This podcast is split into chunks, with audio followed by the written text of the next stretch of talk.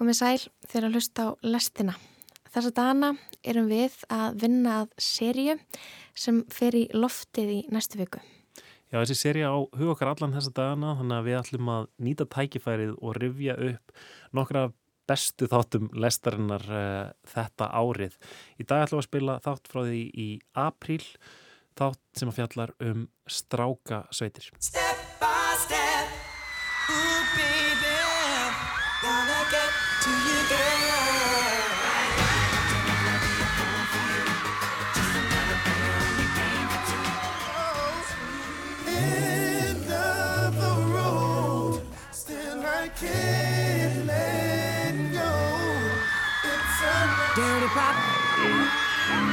go.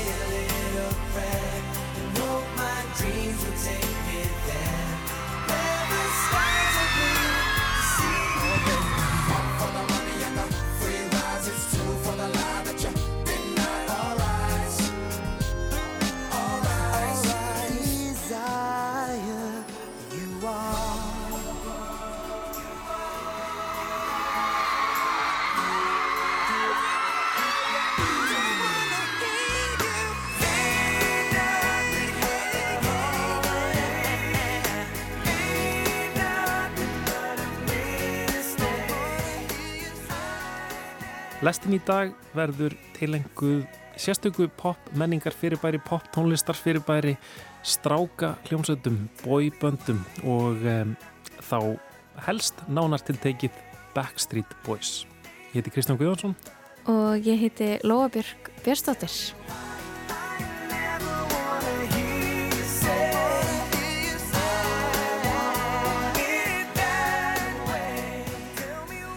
Já, það verið að stittast í tónleika Backstreet Boys að hérna, hvað eru, tíu dagar í tónleika? Já, 28. apríl sem að fara fram í lögadalshöllinni.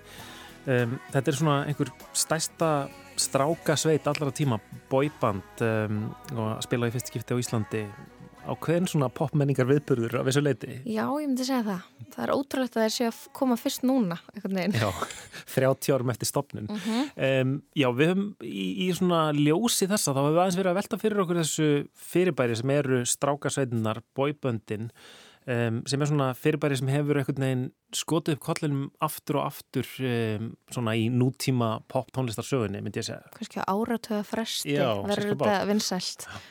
Og... Uh, Hvað hva er þetta að segja um hennan aðdöðandahóp? Við erum með svona eitthvað stimpil á sér eh, aðdöðandur strákasveita fyrir að vera æstustu, trilltustu aðdöðandunir. Einmitt. Uh, og strákasveitir eru einhvern veginn mjög nátengdar aðdöðandum sínum og alltaf eru einhvern veginn nýjar kynnslóðir unglinga og aðalega unglingsstelpna að uppgöta þessar hljómsveitir og einhvern veginn gjörsamlega falla fyrir það. Yeah, I'm Tiffany and I'm from New Jersey and I'm 14 and I have a present for Nick. Oh,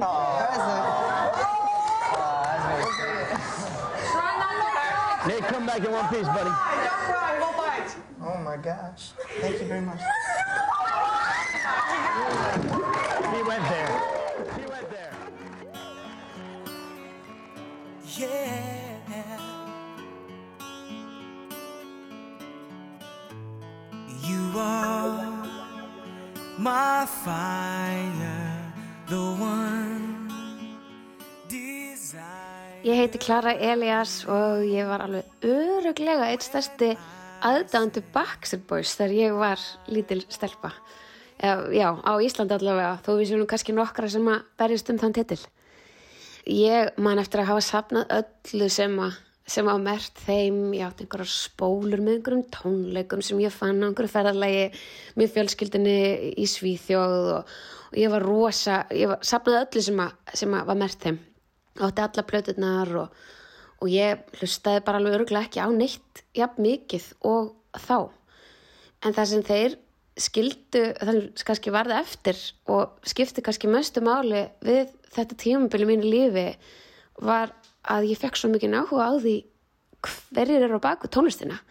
Hver er það sem er að semja þessu lög? Hver er að til lögum fyrir þá? Því það voru ekki þeir þess vegna fannst mér svo áhugavert sko að lesa bæklingana það voru náttúrulega þetta bæklingar á þessum tíma með geisladiskonum þar sem að maður gæti séð hverjum þau voru þakka fyrir og hverjir samdulögin og þar var fremstur í flokki Max Martin sem er í dag stærsti lagahöfundur og pródusur í heiminum og ber ábyrð hreinlega á öruglega bara meirinn helming af allir í vinsalli poptónlist síðustu 30, 30 ár. Hann er náttúrulega alveg risastór og hefileikar ykkur þessi maður. Og það situr svo, svo í mér að hafa verið að skoða þessa þessi, þessa bæklinga já sem að komu með þessum blötum og verið að velta fyrir mér hverjir eru þetta sem eru búa til þessi tónlist.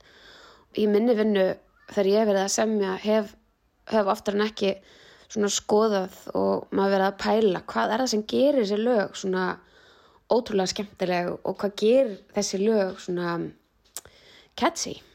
Ég, já, ég er mikið spáðið það og, og það er mikið búið að hefur, sko það hefur skrifað heilu bækurnar um þennan mann hvað það er sem gerir hann svona, svona kláran. Ég uppgötaði Max Martin og mína ástriðu fyrir lagarsmíðum í gegnum Backstreet Boys heldur bara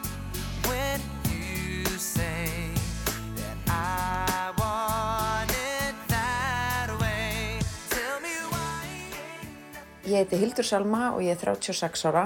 Eh, Þegar ég var lítil, svona kannski 9 ára, þá dyrkaði ég hljómsveitina The Boys.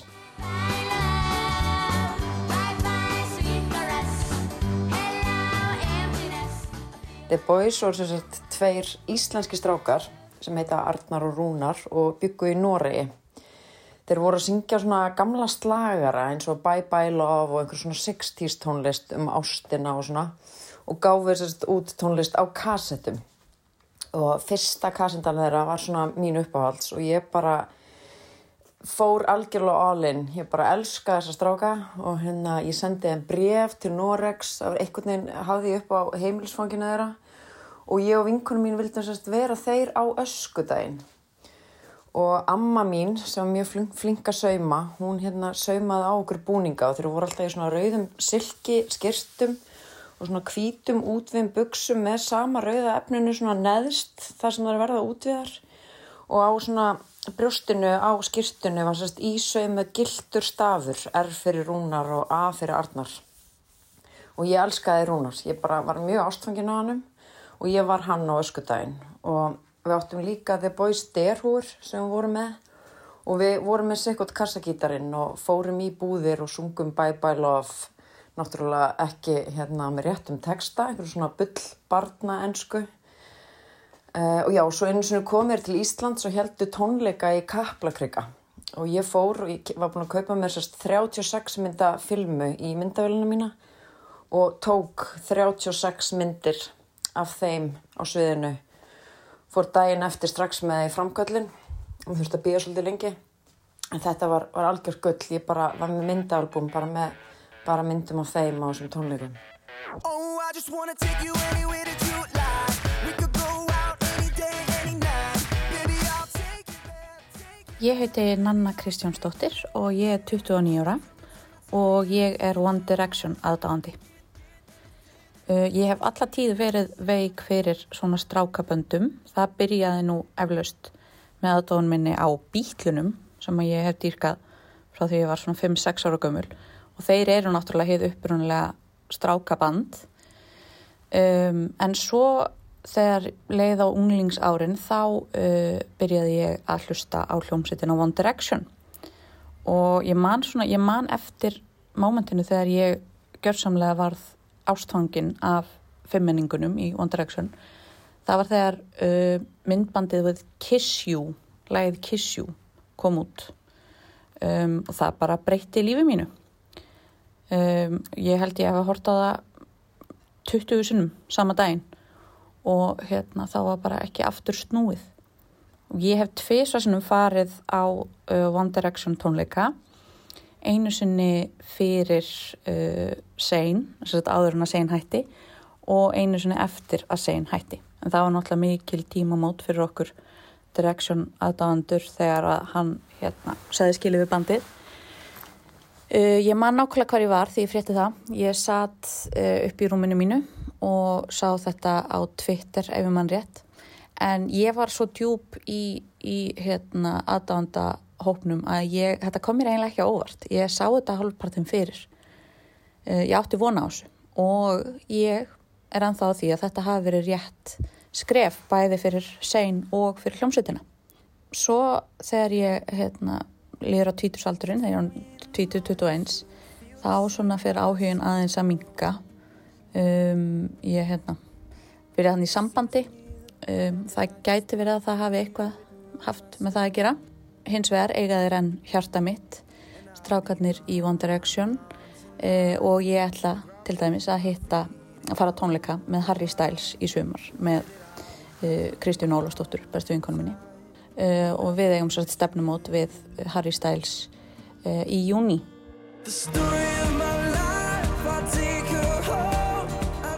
Ég heiti Benny Glee og ég er 23 ára.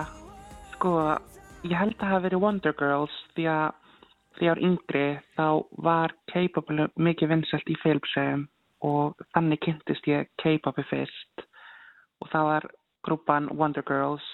En þegar BTS var vinsælt og var bara svo frækt þá byrjaði ég alveg inn í K-pop og byrjaði að hlusta miklu meira á K-pop, bara fleiri grúpur og bara var bara obsessed með K-pop. Ég fór uh, til London og fór á BTS á Wembley tvo dagir Á sömu tónleikana? Já, það var æði, ég fór með mömmu og sýstu minn og frænkum mínum og bara, varum bara öll, bara living, bara vorum öll K-pop, eða skilja, erum öll K-pop fans og það var svo gaman og á tímabili í svona þrjú, fjör ár þá var K-pop bara lífið mitt, það var bara allt, bara allt í símanum var K-pop, ég hlustaði bara K-pop lög, horfði bara á K-pop myndbönd, kefti helling af uh, albúms, eitti svo miklu peningi í þetta og maður verður bara svona, maður dettur inn í þetta og svo er bara erfitt að koma út úr þessu, eða skilur við, þú verður bara obsessed. Cause I'm in the stars tonight. So watch me bring the fire, set the night light. Ég kefti einhver tíman, það var ein gælla einni stelpiljónsveit og ég kefti svona fótokart af henni sem var með eigin handaráritun og ég held ég að við eitt alveg svona 80.000 eða eitthvað bara fyrir þessa litlu mynd en það besta er að ég gæti svo seltana á miklu meira af því að grúpan var orðin svo miklu frægari eftir að ég kefti þetta. Þannig ég alveg grætti á því en ég var alveg bara Úp. er ég, skil, ég var bara, er ég að eyða 80.000 kall í einhverja mynd angar píu, eða skilur en þá var ég bara, ég var bara að missa það. Kefti alveg bara heila svona eiginlega bókahillu og var bara sett öll albúmin á það og ég var með plaggut og svona lightsticks hætti líka grúpum, keipagrúpum er með svona lightstick sem að maður nota þegar maður fyrir tólingana og ég kefti þannig og það var bara raða út um allt og bara allt herbyggi mitt var bara út í K-pop.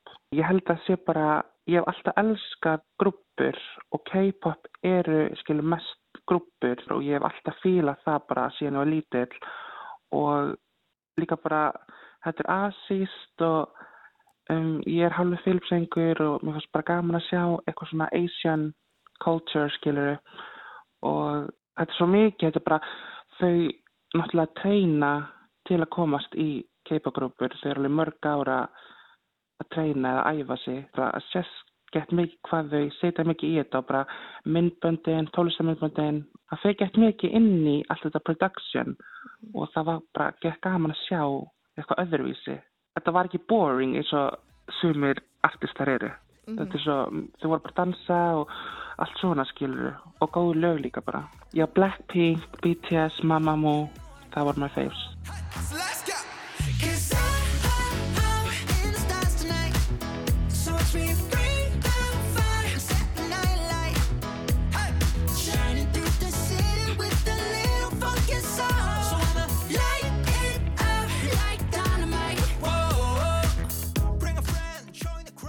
Þannig heyrðum við í nokkrum forföllnum aðdöndum strákasveita. Í endan var þarna Binni Glí, hann var að tala um þráhyggju sína fyrir K-pop hljómsveitum, þar á meðal BTS, lagið Dynamite þarna í lokin. Sko, hann talaði um að það væri mjög erfitt að einhvern veginn komast út úr þessum, uh, út úr þessari K-pop dyrkun, Mhm. en væri kannski svolítið svona laus við þetta núna. Einmitt. Þú hefur alveg dyrkað einhverja stráka hljómsveitir, er það ekki, Kristján? Já, kannski, já, við verðum kannski bara einhvern veginn að koma því hérna um, á framfæri einhvern veginn að, fyrsta, fyrsti geisladiskurinn sem ég kefti var með Backstreet Boys. Ok.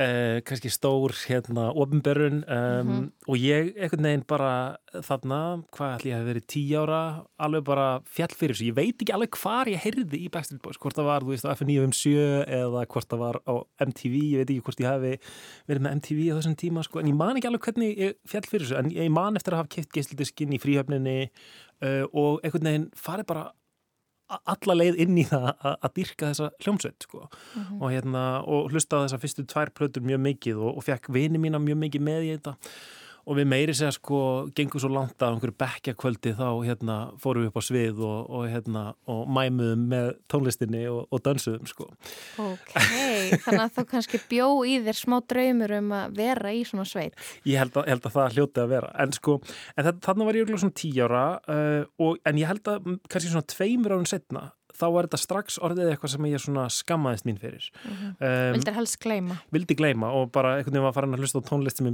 þótti mun svalari heldur en, heldur en þessi tónlist Kannski rock. rock eh, meðal annars, eh, rock og rap um, og sko ég hef einhvern veginn aldrei alveg gert þetta upp myndi ég að segja sko. Þannig ég hugsaði einhvern veginn að, núna þegar hérna, þessi hljómsveit er að koma til Íslands Backstreet Boys, fyrsta hljómsveitin sem ég fílaði þá væri kannski komin svona tími til þess að bara gera þetta upp sko. Og ég ákvað bara að um, hafa samband við senu og að hvort ég fengi ekki viðtal við hljómsveitina, geti einhvern veginn rætt málinn við þá. Um, og jú, það gekk í gegn að að ég fekk að ringja í hérna Brian Littrell, einn meðlum Backstreet Boys. All right, Brian, you're on with Christian. Krishan. Hey Hello, Brian. how are you? I'm good. How, How are you? How are you? I'm good. Where are you located now? Uh, I am at home in uh, Atlanta, Atlanta, Georgia, on the East Coast. Where are you at? I'm, I'm in the studio in Reykjavík. Okay, cool. Ok, þetta er svakalegt. Varstu starstruck? Ég verða vita.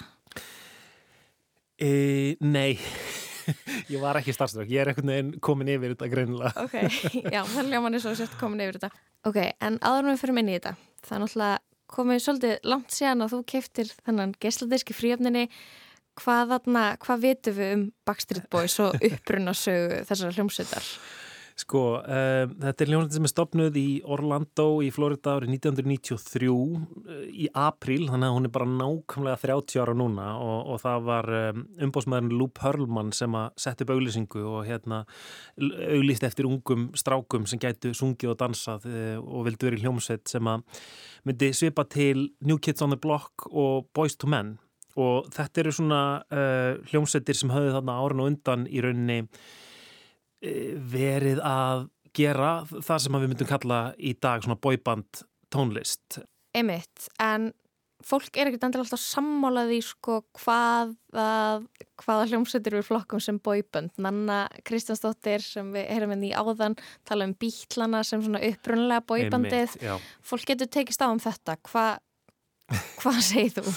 Sko, ég myndi segja að þetta sé svona, um, sko, þetta er, þurfa að vera ungir myndarlegir strákar sem syngja um, poplög um, og, og það hefur svo sem verið í gegnum tíðina. Mér finnst svolítið mikilvægt að þetta sé svona tilbúið. Það sé einhverju svona bransakallar sem, a, sem að setja þetta saman og ég myndi segja svona í þessari nútíma útgáfu af strákasveitum þá er mjög mikilvægt að þetta sé líka svona dans, veist, að það sé Söngur og dans. Söngur og dans, það sé ekki bara eins og bítlandir sem að sömdu lögin sín sjálfur og, og, hérna, og spiluðu á tónleikum. Þetta er meiri einhver svona performance þar sem að er sungið og dansað, hljómsveitnar semja helst ekki lögin sjálfur og, og svo leiðis. Þannig að þeir eru svona nánast eins og svona verkfæri í höndum einhverja bransakalla. Segja að það sé svona eins og ég upplifi boyband. Já, þá til dæmis fellur One Direction mjög vel inn í þá skilurgreiningu. Já, og, og sko í raunin er það þá kannski hægt að reykja þetta svolítið svona eins og til Motown hljómsveitana, náttúrulega þessar svona stúlknasveitir á, á sjönda áratögnum uh, og, og svo koma eins og Jackson 5 og einhverjum svo leis sem eru svolítið svona einhvern veginn smíðar, eru í svona búningum, sömu búningunum, dansa, syngja. Um, ég, var að hugsa sko, Sex Pistols er eiginlega boyband Já. Já, það er umbóðsmærin Malcolm McLaren sem að setja hljónstina saman og eiginlega hannar útlitið en hérna Og þetta er rótækt, eh, pæling en það vantar kannski þessa svona samhæðu dansa hjá Sex. Pistols og kannski að séu ungir og sætir. Já, sætir, það kannski Það skiptir er máli annað líka innihaldsefni sem vantar. En alltaf það var komið einhvern veginn svolítið svona nýtt æði þarna uh, undir lók nýjunda áratugarins og byrjun tíunda to Men sem náð, voru svartir en náðu einhvern veginn til allar Ameríku. New Kids on the Block verðu risastórir og svo sko hinum með við allansaði voru Take That og East 17 voru að gera svona svipaða hluti. Og ekki glemma Westlife. Já, ég, ég held það sé aðeins setna Ok. ég var svona aðeins að, aðeins að googla það mér sýnist að það er aðeins setna um, en já, en það er allavega inn í þetta samengi sem að þessi um, umbóðsmaður mjög vafasum típa sem heitir Lou Pearlman uh, sett upp þessa auðlýsingu hann var hérna í allt öðrum bransa hann hérna var einhvern veginn að leiða út loftför svona, einhvern veginn svona hálfgerða loftbelgi. En allavega einhvern veginn komst hann í, í samband við New Kids on the Block og fattaði hvað þeir voru að græða ógeðslega mikið pening. Mm. að hann var bara eitthvað, heyrðu, hann var ekki með neyn tengslu tónlistabransan en ákvað að búa til boyband. Í gróðraskinni. Já, og uh, þeir, hann byrjar svona með einhverja pröfur, sko, fyrsti, fyrsti sem að kemur í pröfu hjá honum, sko, sem er heima hjá honum í stofunni, er uh, 14 ára strákur sem að uh, kalla sig AJ, sem átti síðan eftir að vera í, í Backstreet Boys og svo svona smám saman þá hérna myndast þetta ofur teimi sem, sem að hljómsutin er. Sá yngsti var 13 ára, það er Nick Carter og en elsti 21 ás um, söðuríkja maður sem heitir Kevin Richardson þannig að þetta var svona svolítið breytt bíl Þetta er mjög breytt Já. aldurspil. um, en Brian Littrell, þessi sem ég var að tala við í síman hann er sá síðasti sem kemur inn í hljónstina uh, en hann er semst frændi þessa Kevins og, og hérna, þegar það vantaði ein, eina í viðbútt þá semst ringdi Kevin í frænda sinn í Kentucky og, og baða hann um að flýta sér til Orlando og taka þátt í þessu verkefni I didn't really have planned to, you know, to be a pop star, so to say. Um, growing up, I grew up in a uh, in a small town. I used to sing in church as a little boy, and I sang in my my choir at my school, and um, and did all those all those things. Growing up in a family that that we sang, you know, that's just what we did. We were singers, and um, you know, little did I know that you know, my cousin Kevin would get involved with the Backstreet Boys, you know, in early '90s, and uh, and call me up and say, "Hey, you know, hey Brian, I want you to come down to Florida and sing in this band, and you know, we'll try to try to make a name for ourselves." And um, it it happened. You know, it was a lot of hard work. Já. Brian segist hafa alveg stand upp í, í litlum bæ í Kentucky þar sem hann söng í kirkjunni og, og, hérna, og heima fyrir um, það hefur verið mikið, mikið tónlist á heimilinu hann er svona, já, Kristinn Suðuríkjamaður, ég held að hann sé trumpisti, ég held að ég hef séð einhver starf á netinu uh, ólíkt Kevin Frændans sem, a, sem er víst ekki trumpisti Nei, ok. og hann deilur hann á milli Mhm. en, en hvað um það, hérna hann fer hann til Orlando uh, þeir byrja að, koma fram saman. Sem sagt, sko, nefnd eftir einhvern götumarkað í Orlando er, er sagt, einhvern backstreet flea market. Uh, og það er allt svona sko þó að þetta séu, hvað ég var að segja ungir sæti strákar, þá er samt verið að reyna að vera með svona svolítið svona harða ímynd sko, þeir eru svona einhvern veginn svolítið í leðurjökkum og það er svona svolítið svona hip-hop hérna væp í, í fyrstu lögunum þeirra sko, Mm. þeir eru að dansa eitthvað svona svolítið svona hip-hop uh, esk dansa og svona sko Þeir áttu að vera töff. já, þetta átti að vera svona þetta átti að vera töff Einmitt. Eh. En sumir voru meiri töffarar en aðrir, um, minni mig, var það ekki? Jú, það náttúrulega er held ég alltaf í svona strákasveitum og reyndar líka svona stúlknasveitum sérstaklega sem eru svona framleitar einhvern veginn af um, pop tónlistar yðnaðinum þá er einhvern veginn búið að, búið að komast að því að, að þessi sniðut allir geta einhvern veginn tengt við einhvern. Þannig að það eru svona ákveðna svona erkitýpur einhvern veginn í þessum hljómsveitum. Það er alltaf einhvern veginn vondi, vondi strákurinn sem er svolítið svona bad boy eitthvað einhver svona sem er sætistrákurinn uh, einhver sem er svona eldri, hérna, stóri bróðirinn svolítið, sko svo er einhvern veginn svona sá uh, þögl, þögla, hérna feimnatýpan og svona nei, Eitthvað fyrir alla. nei, eitthvað fyrir alla Raun, raunverulegur fjölbreytileiki. Já, sem er náttúrulega kannski farið síðan alla leið með eins og í Spice Girls þar sem að það er bara einhvern veginn Það er bara heita típunar sínar, sporti, mm Mhm. algjörlega. En þeir hérna, sem sagt, eru allir fluttið til Orlando og um, búa sko eiginlega svona inn á þessum umbóðsmanni, eh, Perlman, eh, í einhverju svona risavillu og, og, og hérna, eh, hann er svona mikil svona föður ímynd fyrir margaðir þannig að þeir, eru farinir að kalla hann sko Big Poppa. Um, og halda síðan sko sína fyrstu tónleika hvar annars staðar heldur en í uh, sætirasafninu SeaWorld uh, í Florida, þetta er allt svona einhvern veginn. Um, og fóru svo svona ferðast, ferðast um bara svæðið og fylkið að spila í alls konar sko unglingadeldum skóla og hérna og mentaskólum, koma oft fram einhvern veginn bara á, í íþrótahúsinu og svo leiðis og jafnvel þó að um, krakkarnir hafa aldrei heyrt tónlistina þá er einhvern veginn, tekur alltaf á mótið með einhvern veginn öskrandi stelpur og það er mjög sérstakt að sjá, sjá upptökur frá svona þessum fyrstu e, tónleikum þeirra, ef við köllum, getum kallað það, að, hérna, hvaða er mikil svona æsingur Mhm. strax Það var bara strax komið eitthvað hæpi kringu þá, eða? Sko í rauninni ekki, ég held að sé meira bara einhvern veginn svona þessi rosalega myndalegu strákar sem að hérna sungu svona harmoniseruðu svona fallega og, og, og dönsuðu um leið, þau einhvern veginn vöktu bara þessi áhrif. Mhm. Um, en, en, en þannig er einhvern veginn strax þetta svona, manni finnst þetta að vera svo skýrt dæmi um einhvern veginn bóiband og hérna ég spurði e, Brian um þetta hugtak, hvort að, hvað hann finnist um það, hvort að þeir hafa alltaf einhvern veginn verið sáttir við að vera strákasveit. Um, I can't say that I've always been comfortable with it. You know, to be honest with you, I can't say that I that I have uh, in the very very beginning.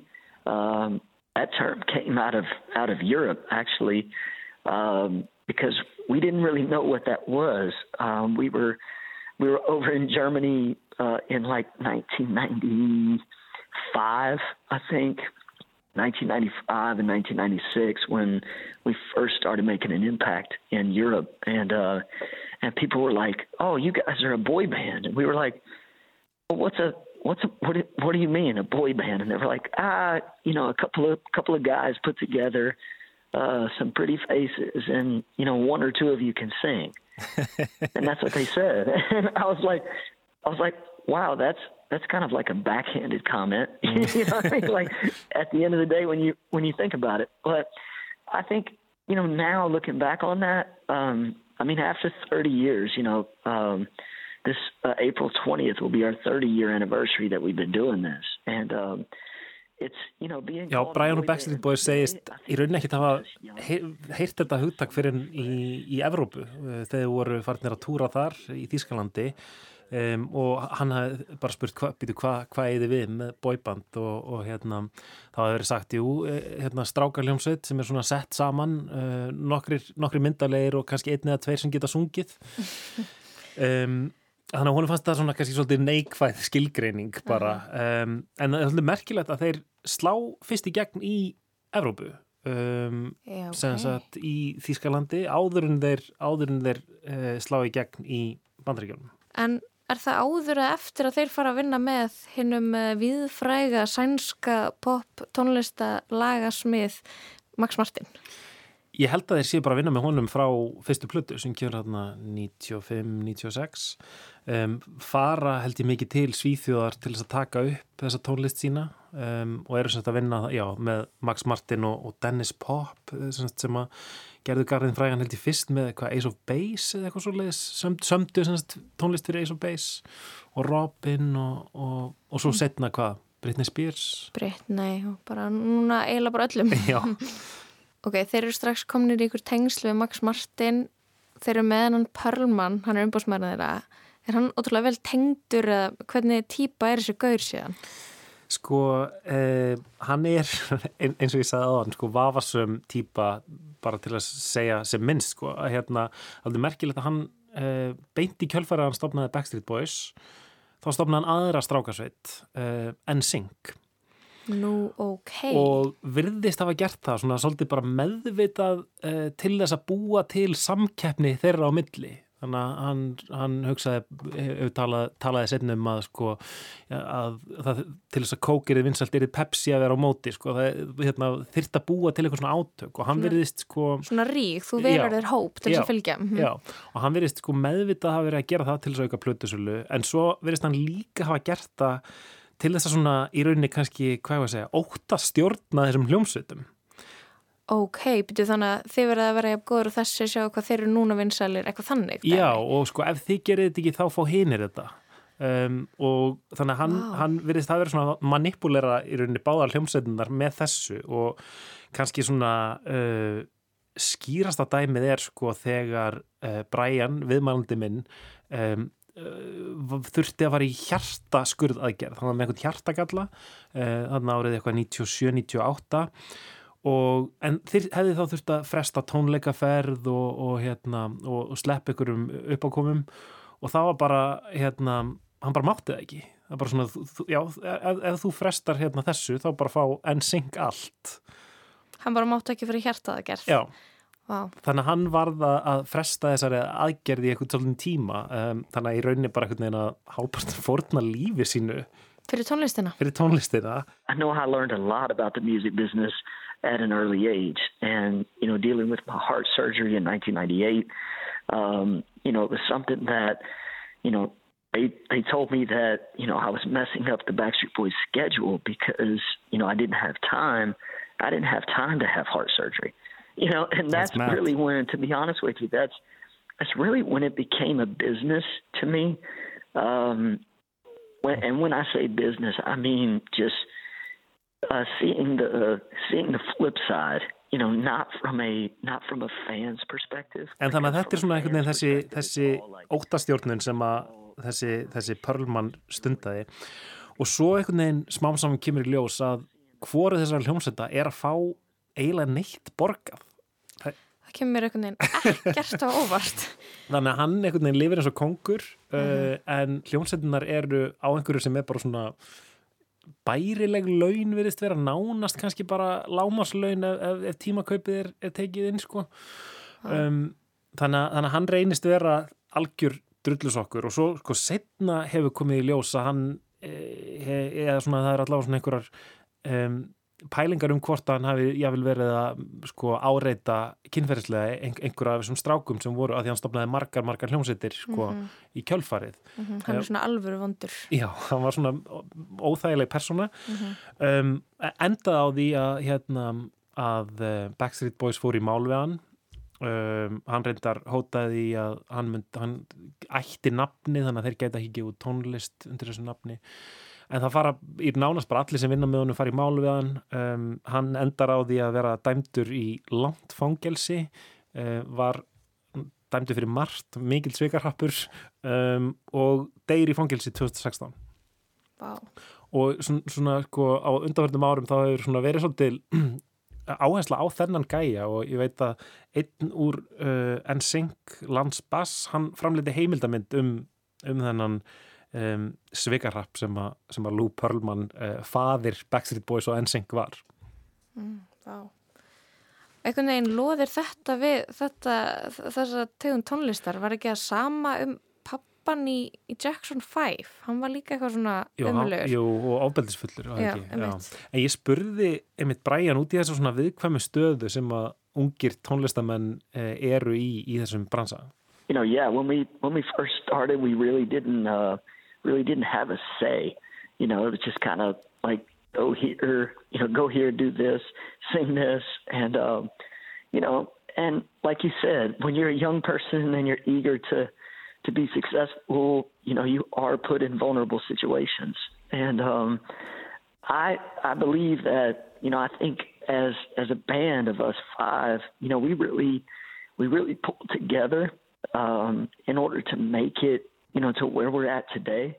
Um, Hann segir að, að einhvern veginn í upphæðu fyrirlsins þá hafið þeir ekki haft neitt um neitt að segja, bara hérna, syngdu þetta, farðu þanga, gerðu þetta, það er bara alltaf verið einhver að skipa þeim fyrir og, og hérna, og, og það séu þetta uh, erfitt þegar maður er einhvern veginn svona ungur og er svona æstur í bara einhvern veginn að slá í gegn að, að maður er einhvern veginn til- tilbúin að gera hvað sem er og þá er maður í þessari viðkvæmi stöðu um, en hann vil meina og auðvitað er hann að svona hvað ég var að segja, láta þá líta vel út. Uh, hann vil meina sko að þeir í, í krafti þess að hafa verið svona samheldin hópur þá hafið þeir einhvern veginn um, já, verið í betri stöðu sko til þess að, til þess að standið af sér eitthvað Já, og hérna og þeir hafa einhvern veginn unnið, unnið mjög hérna, vel saman og, og það hefur auðvitað ímislegt komið upp á um, en, en þeim hafi tekist einhvern veginn að halda sínu sambandi góðu og, og hérna, þá þeir einhvern veginn alltaf bara fundið styrkin til þess að vinna gegn þessu alls konar liði sem að var uh, að í rauninni maka krókin á þeirra vinnu að miklu leiti sko. Mhm. um, Sko vaknar upp einn spurninga mér núna. Þeir eru eins og þarna, þú erst búin að tala um að þeir hafa fengið lítinn pening að þess að byrja með, við erum bara okkur um lámaslaunum svo eru þeir orðinir fullarni menn og þeir eru að túra um allan heim. Mhm. og það er eitthvað svona svaka kyrsla á þeim núna. Ég er svona veltað fyrir mér hvort það er kannski eigi ekkert það mikið um pening er þú búin að hugsa út í þetta?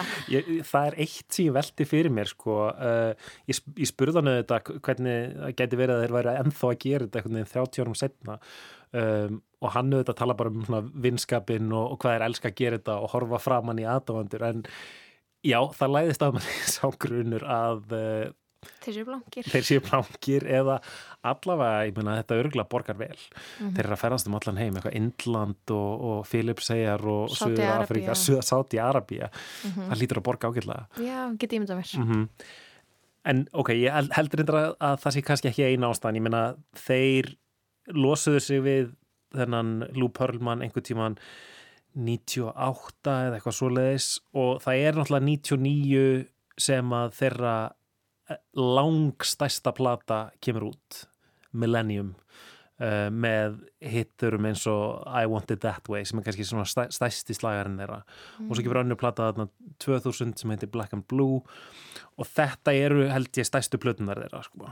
Já, mitt, þeir náðu, þeir upplöðu sem hápunkt eftir, eftir hann. Já, þannig að, þannig að ég held nú að, um, að þeir eigi alveg fyrir salt í grautin sko. Ég vona það um, en sko ég var líka að velta fyrir mér sko uh, þú nefndir Max Martin þennan lagasmið sem semur langt flest af lögunum þeirra flest af stóru lögunum þeirra. Um, þeir eru með einhvern veginn svo mikið batteri í kringum sig fólk sem einhvern veginn ákveður hlutina. Um, þannig að sko manni finnst þeir á vissan átt vera svona einhvern veginn þessi fjöldaframleita einhvern veginn menningar vara einhvern veginn, frekar heldur en einhvern veginn hljómsveit um, og ég spurði Brian út í þetta hvernig honum finnist svona þegar fólk talaði þannig um hljómsveitina That's a good question. Um, you know, in my early years, um, it used to it used to bother me. Uh, it used to bother me a lot, actually, because I I just felt like the uh, the industry or the music business um, didn't really give us that much credit, you know, uh, because of the success that we had.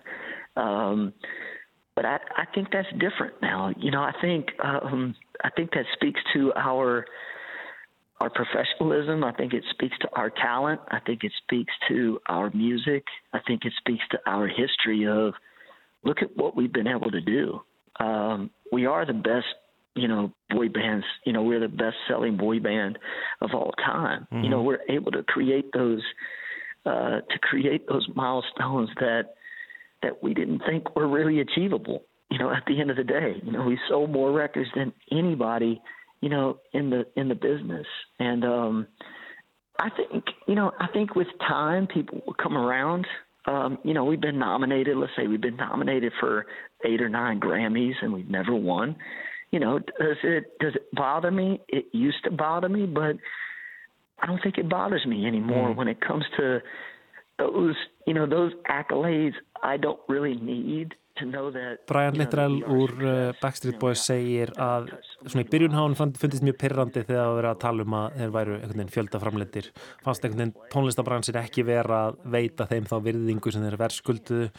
Um, en hún finnst þetta einhvern veginn vera búið að breytast og telur að það sé bara þeirra fagmennska, þeirra hæfileikar um, þeirra um, já, tónlistin og þeirra, þeirra afreg sem að bara gera það verkum að, að þeir fá virðingu. Mhm. um, þeir eru náttúrulega búin að selja fleiri plötur en nokkur önnur strákarsveit í sögunni um, og hann, hann segir sko að, að jafnvel þó að sko þeir sé að hafa aldrei fengið til dæmis Grammy verðlun, það fengið nok nokkra tilnefningar Mm. og lengi vel fannst honum það eitthvað mjög pyrrandi um, en þá finnist honum sko bara það að þeir sé að spila um allan heim og hann sjá alla aðdóðandun að fá að fara til Ísland veist, að þetta sé bara eitthvað neginn nóg og þetta sé ekki að pyrra hann lengur þetta er það sem hann segir allavega. Já, mm Já, það þarf auðvitað hellingsa hæfileikum til þess að koma fram og syngja og dansa og vera þeir. Mhm. Þeir eru ekkert hæfileika lausir, ekki, en uh, það er samt einhvern veginn enginn sem er einhvern veginn bestur af þeim, eins og kannski mörgum öðrum hljómsutum. Nei, nákvæmlega um, það er náttúrulega margar hljónstir svona bóibönd og, og stúlknarsveitir svo sem líka þar sem að er eitthvað svona eitt sem er augljóslega hæfileika ríkastur Aðal. aðal Mhm. og þá kannski eftir einhver tíma vill bara fara að vera með sinn soloferil Mhm. um, Harry Styles í One Direction Justin, Justin Timberlake NSYNC Mhm. En, um, en enginn af þeim. Enginn Robbie í- Williams var, var, hann kom úr Take That Já, um Já. og gleymist Mhm. en, en enginn af þeim verður einhvern veginn nóg stór og vinsæll og frægur til þess að geta verið án hinna þeir, þeir þurfa að vera allir saman Einmitt, þeir eru einhvern veginn svona, uh, hvað segir maður, hlutarnir eru, eða heldin er stærri en hlutarnir, eða ekki? ég held að það sé góð lýsing á þessu hljómsveit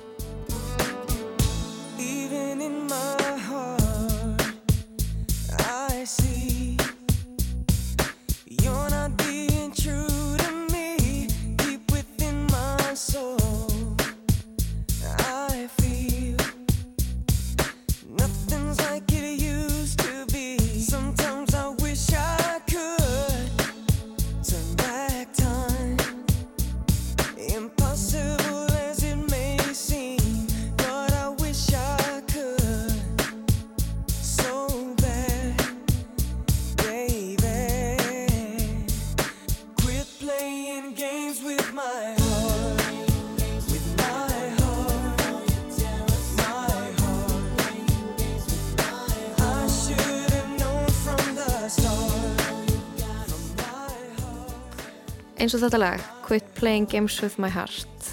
Öll tónlistin þeirra er einhvern veginn svona. Hún snýst um það hvað þeir eru miklir hjarta knúsarar Einmitt, þetta er náttúrulega tónlist sem að sko er, ég veit ekki, jú, er á mjög skýran hátt miðuð að unglingstelpum. Og þeir eru, þetta eru myndalegir, ungir strákar, oft fáklættir eða í alvens matching outfitum. Um, það er verið einhvern veginn að höfða til óra unglingsstúlna, eða ekki? Jú, ég held það og ég held að við séum mögulega búin að leysa eitthvað svona úr þinni æsku þegar að þú hættir að, að, vilja fíla þá það er einhvern veginn, þegar þú verður nógu gamall og örgulega allir strákar sem hafa einhvern tímann fíla svona boybönd og, og þarna langar ekki að fólk haldi að þeir séu skotnir í strákunum út af því að að það verður síðan svo blatant þegar maður fattar það Já. þegar maður er ekki lengur 8 ára eða 9 ára eða 10 ára Einmitt. bara já, þetta eru, þetta eru sætustrákarnir það er það sem þetta er og þetta eru svolítið bara umbúðunar Einmitt, og, og kannski þessar típur sem við töluðum um, áðan, þú veit, sætistrákurinn, feministrákurinn, Mhm. stóri bróðurinn, sko þetta eru, þetta eru típur sem að uh, unglingsstelpunar geta kannski, uh, unglingsstelpunar geta hort til sem svona mögulegra kærasta, kannski frekar en að unglingsstrákar líti á þetta eitthvað sem þeir geta spegla sig í. algjörlega. Sjá sjálfa sig ekki í þessum típum. Þeir eru um, já, þeir eru alltaf væmnir til þess að vera raunverulegir. Sko, það hefur náttúrulega verið mjög mikið tala um bara eitthvað hvernig Disney og draumaprinsar í Disney uh, hef- hefur áhrif á uh, væntingar hvenna eða ungra stúlna til sambanda uh, romantísk ást hug, hugmyndir okkar um einhvern veginn ástin að vera til að í æsku uh, einhvern veginn við lærum af því sem við sjáum í umhver okkar og, og fyrirmyndunar okkar eru bara einmitt Disney myndir og, og það sem við lesum í bókum og eitthvað. En einmitt Backstreet Boys, svona strákaljónsutir þetta er bara, það er bara að vera að útskýra fyrir þér sem stelpu, þú átt að vera skotin í svona gaurum, Mhm. gaurar sem þú átt að fíla, líta svona út og haga sér svona svo Já. er kannski ekkert svo auðvelt að finna þessa gaura í raunveruleikanu sem geta sungið og dansa og horfa beint, í augunaður og syngja til hinn nákvæmlega. það er eitthvað gerfi típa En, en, en er það ekki rétt skilið hjá mér sko að sko þessir svona, hvað ég var að segja, kynórar unglingstúlkna sem eru náttúrulega rosalegur drivkraftur í popmenningunni, bara alveg frá mm Bítlunum og, og Elvis Presley uh, og, og til dagsins í dag. Þetta er samt alltaf eitthvað sem er álitið ómerkilegt. Þannig að, veist, er, er, er það ekki mögulega hluti af ástæðinu af hverju strákarsveitir eru litna svona miklu hortnöga og þykja svona ómerkilegu pappir er að þetta er eitthvað svona sem að þetta nýtur ekki virðingar. Þetta nýtur ekki virðingar. Mhm. um, það er einhvern veginn unglingsstelpur sem fíla þetta. Já, er, er það ekki alltaf eitthvað svona það, það hallaræslegasta að, að hefða, hefða til þess Já. að áhuga sviðis þeirra, ég veit það ekki. En, en það að þessar hljómsveitir eru svona vinsælar hjá ungum stelpum um, sem að eldaða röndum öskra þegar þeir koma nálat það er þetta, hérna, maður fær svona einhvern veginn svona hugrenningatengs líka við bara einhvern veginn svona rocksveitir líka, þú veist, maður ímynda sér hvort að hérna á tónleikaferðarlögum það sé ekki einhvern veginn grúppíur þarna í kringum og eitthvað svoleiðis. Þannig að, þannig að þessi svona sigur sætu, svolítið væmnu strákar eru öruglega líka í einhvern veginn svona oft mikil í valdastöðu gagvart uh, viðkvæmum einstaklingum. Eins og þeir voru sjálfur kannski í viðkvæm, við, viðkvæmri stöðu þegar þeir voru að byrja. Þá var þeir einhvern veginn komnir hinum með borðið þú veist uh, er einhvern veginn dyrkaðir og dáðir um, eru kannski ekkert einn saklisur að þeir líti út fyrir að vera? Nákvæmlega og, og það hefur komið í ljós með Backstreet Boys. Það ekki bara eru áfengi og fíkni vandamál e, sem hafa verið þar e, hjá, hjá, hjá AJ en e, það sem er kannski alvarlegra er að Nick Carter sá sem að hef, er svona kannski já, sætasti strákurinn var á sínum tíma yngstur hann í hljónstinni Deitaði Britney Spears. Já, og, og var svona kannski stæstur af þeim og sá sem átti mesta möguleika á því að verða stjarnar uh, eitt síns liðs. Hann, hann hefur verið sakar um kynferðisofbeldi og, og nú nöðgun og var kærður held ég bara núna á dögunum um, það var að breyta einhverjum svona fyrningalögum þannig að það er nöðgunnar um, ásökun sem kom fram reynda fyrir mörgum árum en það, nú er semst verið að kæra hann fyrir það þannig að já, það kannski eru svona myrkar hliðar á þessu líka Já, eins og kannski bara á mörgum stöðum í tónlistafbransunum. Ég var hins vegar að veltaði fyrir mér, sko, hvort að uh, bóibönd, strákasveitir, hvort þetta væri ekki einhvern veginn bara búið. Backstreet Boys eru kominga til landsins sem einhvern veginn í rauninni bara minjagripur Já. og fortíðinni, bara halló, við erum á lífi og, og allir fara og, og uh, sem hlustu á þetta þau voru litlir. í einhver miðaldra svona- mæður Já, með þarna, já. í mega nostalgíu. Mhm. Uh, ég ákvaða að heyra í Arnari Eggert Tóruðsen og spurja hann út í þetta, hann er svona popsérfræðingur þjóðarinnar, hvort að þú veist, hvort hann geti tekið undir það að bóibönd væri bara einhvern veginn bara búin.